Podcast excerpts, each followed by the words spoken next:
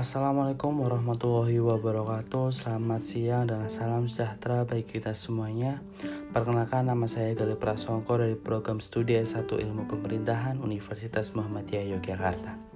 Pada tahun akademik ini saya mengambil kuliah wajib yakni Tata Kelola Keuangan Pemerintahan dan yang pada kesempatan berbahagia kali ini mari kita belajar tentang bagaimana tata kelola keuangan pemerintahan di dalam Undang-Undang Nomor 17 Tahun 2003 tentang keuangan negara.